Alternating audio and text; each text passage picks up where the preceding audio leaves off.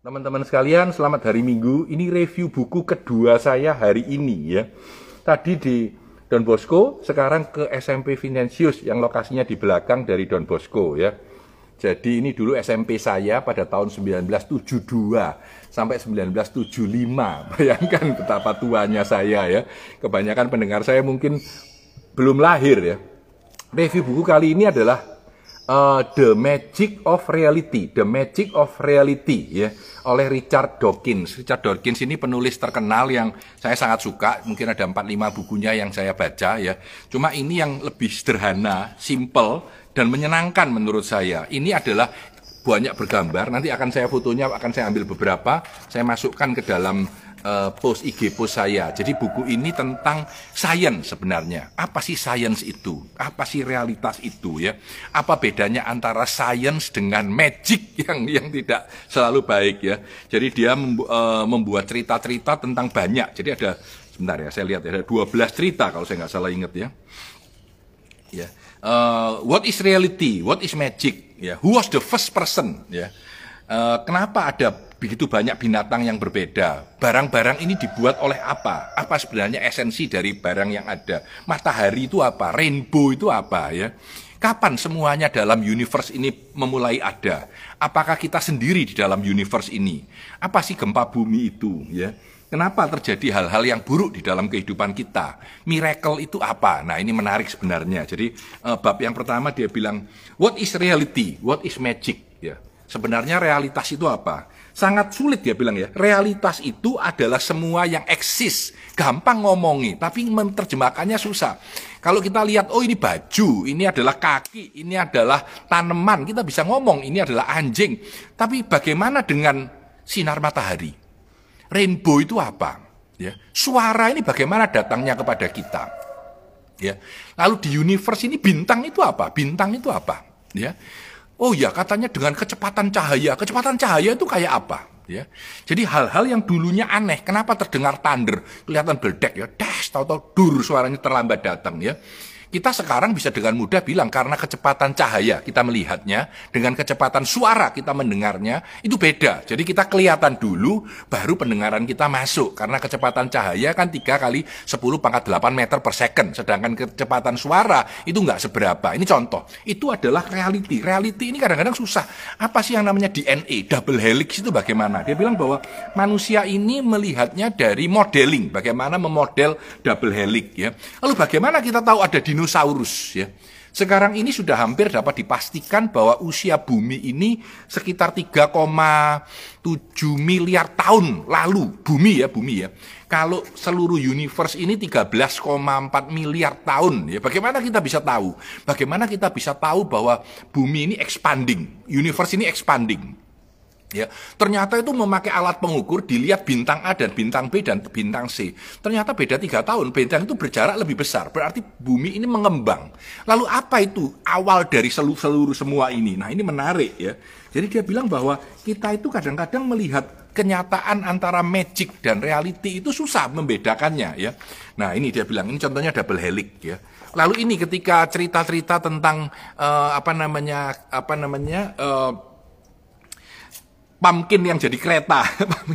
ini cerita ya. Dia bilang magic itu ada tiga tipe. Supernatural. Supernatural itu yang katanya J.K. Rowling punya tekan dipijat bisa seluruhnya magical ya toh tuang bisa dunia berubah bisa apa ada juga yang magic yang namanya sulapan dan ini dunia saya dulu ya bermain sulap bagaimana uh, gelas itu bisa kosong bagaimana barang itu bisa hilang bagaimana itu juga magic tapi menurut Dawkins ya magic ketiga ini yang paling keren magic ini adalah kacamata kita melihat dunia bahwa ada pagi, ada malam, ada keindahan, ada terang, ada gelap, ya, ada angkasa, ada ke apa kesendirian kita melihat rainbow ya. Ini justru magic yang sebenarnya dia bilang yaitu keajaiban akan kehidupan kita ya. Dan dia menulis banyak sekali. Jadi tentang semuanya tentang science, a good science ya, a good science. Saya ambil contoh lagi Who is the first person? Oh, keren ya toh. Manusia pertama yang ada itu siapa gitu, ya. Manusia pertama yang ada itu siapa? Ya. Who was the first person? Ini pertanyaannya, ya. Ya. Orang yang gampang mikir Adam dan Hawa, Adam dan Hawa. Oke, okay. tapi di dalam kultur yang berbeda, di dalam agama yang berbeda, ternyata mereka punya kacamata yang berbeda tentang manusia pertama itu siapa, ya. Bisa saja manusia pertama itu Adam dan Hawa menurut Anda di dalam uh, keagamaan yang berbeda atau di dalam kultur budaya negara-negara yang berbeda. Wah, di sini diceritakan tentang banyak sekali adanya kultur-kultur manusia-manusia yang berbeda dari zaman-zaman dari negara-negara yang berbeda ya. Tapi sebenarnya who was the really first person? Siapa sih sebenarnya manusia pertama yang ada itu? Nah, ini menarik.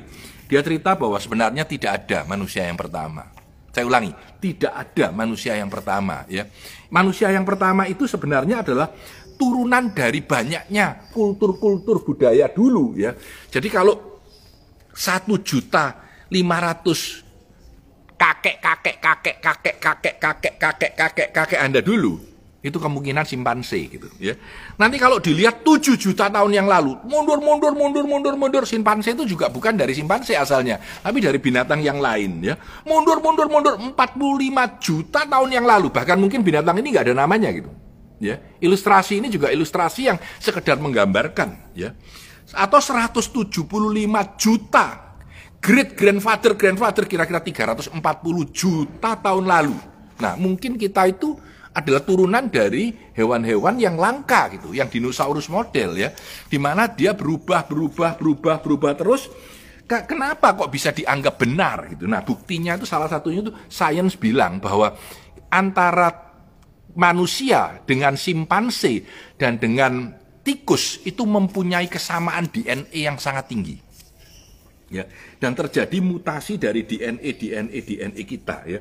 417 juta tahun yang lalu. Ini diperkirakan mulai adanya kehidupan. Bumi ini adanya hmm, 3,7 miliar tahun yang lalu. Jadi pertama kali masih panas gitu ya kayak meledakan. Terus pelan pelan pelan pelan baru berubah. Nah inilah uh, manusia yang pertama. Dalam kehidupan kita kita bisa lihat ya uh, apa namanya Semuanya itu, semua hewan yang berbeda, segala yang berbeda itu sebenarnya dari perkembangan yang ada di dalam evolusi kita gitu. Nah, ini pertanyaan yang lain. What are things made of? Eh, segala yang ada di bumi ini dibuat dari apa gitu ya? Dibuat dari apa ya? Jawaban sederhananya satu kata atom gitu. Tapi gimana sih menjelaskan atom itu ya? Ya, manusia dengan hewan kan beda, tapi ujung paling kecil itu atom. Jadi di sini digambarkan sebuah barang kalau dipe, sebuah barang kalau dipecah, dipecah, dipecah, dipecah, dipecah, dipecah, dipecah. Pada ujungnya itu sebuah atom, hal-hal kecil yang mungkin kalau dilihat ya. Nah, kalau teman-teman tahu kalau dulu masih sekolah SMP atau SMA diajari kimia, ya inilah ya, kristal atom ya. Jadi eh, kristal-kristal itu yang membentuk segalanya. Bahkan sebenarnya areng itu dengan berlian sama, cuma usianya nggak sama. Jadi kasarnya areng itu kalau ditekan dalam satuan waktu yang begitu panjang, dia akan jadi berlian gitu ya. Itu sebenarnya karbon, dalamnya sama, basicnya itu sama. Jadi sebenarnya di ujung semuanya yang paling kecil ini ada kalau secara kimia ya periodic table ya. Kalau kita lihat lagi sebenarnya ya pada ujungnya itu e, manusia gitu ya manusia eh sorry atom atom. Pertanyaan lain kenapa kita punya malam dan siang? Kenapa kita punya malam dan siang ya? Di zaman dulu jangan mikir ada oh ada matahari berputar bumi berputar. Zaman dulu orang tidak tahu bumi ini bulat sampai 500 tahun yang lalu orang masih tidak menganggap bahwa uh, kita mengitari matahari. Yang kita anggap adalah matahari mengitari kita. Itu sampai 500 tahun yang lalu, apalagi kalau 1000 2000 tahun yang lalu. Jadi kita tuh memahami pagi dan siang dan malam itu juga baru-baru aja, ya. Sampai adanya jam, ya, jam ya. Yang sekarang jam itu sudah mulai nggak laku karena ada di handphone kita, ya. Tapi bagaimana waktu berjalan, ya.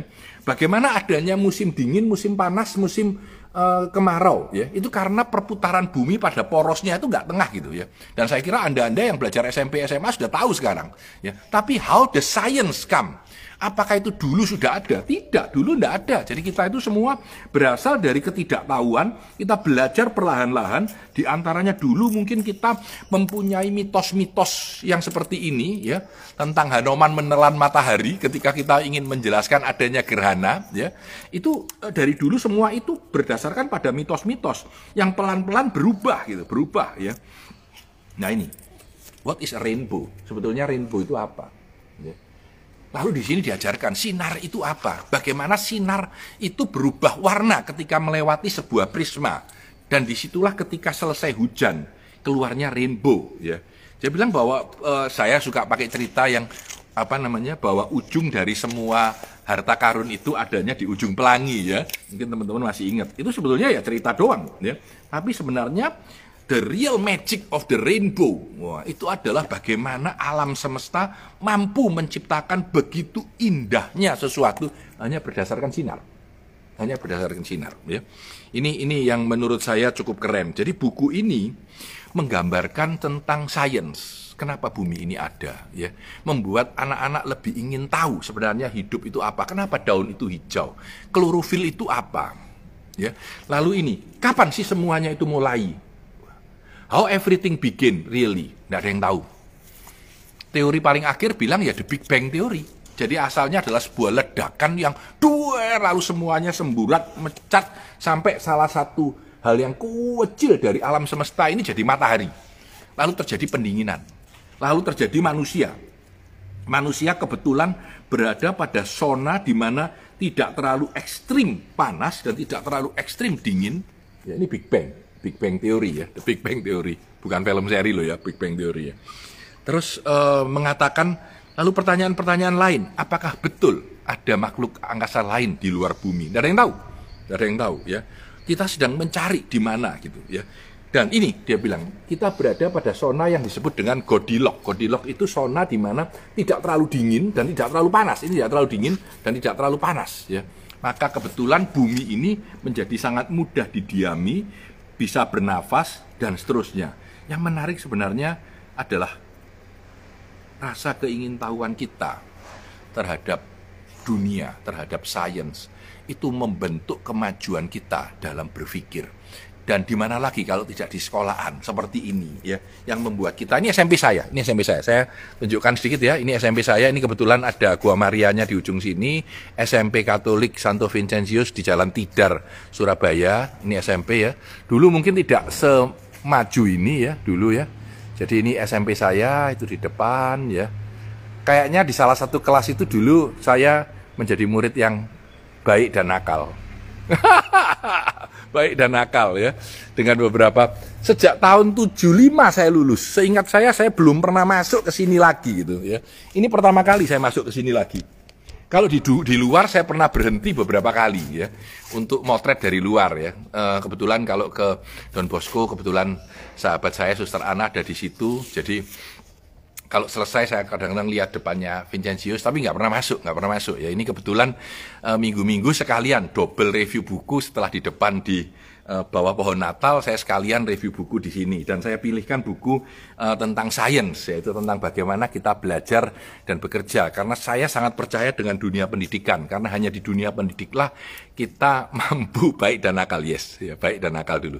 Uh, saya kita itu mampu semua berubah ya. Jadi orang yang anaknya petani bisa jadi menteri, anaknya seorang satpam bisa sekolah dan maju, anaknya seorang eh, bahkan anaknya seorang maaf seorang pembantu aja bisa sekolah lalu pinter lalu jadi maju jadi hebat dalam kehidupannya. Maka saya sangat percaya dengan dunia pendidikan. Menurut saya dunia pendidikan itu satu-satunya springboard tempat lompatnya manusia untuk menjadi sukses ke dalam masa depannya. Ya dan saya merasa bahwa pembelajaran learning attitude sikap kita menghadapi pembelajaran apa pun itu baik pembelajaran tentang soft skill tentang kehidupan tentang apa pun itu harus dimulai dengan sebuah rasa keingintahuan yang dalam dari kita untuk mau terus belajar dan belajar dan belajar lagi ya. Teman-teman sekalian ini di SMPK Vincentius Surabaya di Jalan Tidar tempat saya dulu sekolah pada tahun 72 sampai tahun 75 Uh, sharing saya pagi ini adalah tentang sains, bagaimana kita punya rasa keingintahuan untuk tahu lebih dalam tentang dunia ini, tentang diri kita sendiri, dan tentang alam semesta ini. Saya Tanah di Santoso, ini hari Minggu tanggal 27 Desember 2020 ketika masih masa pandemi.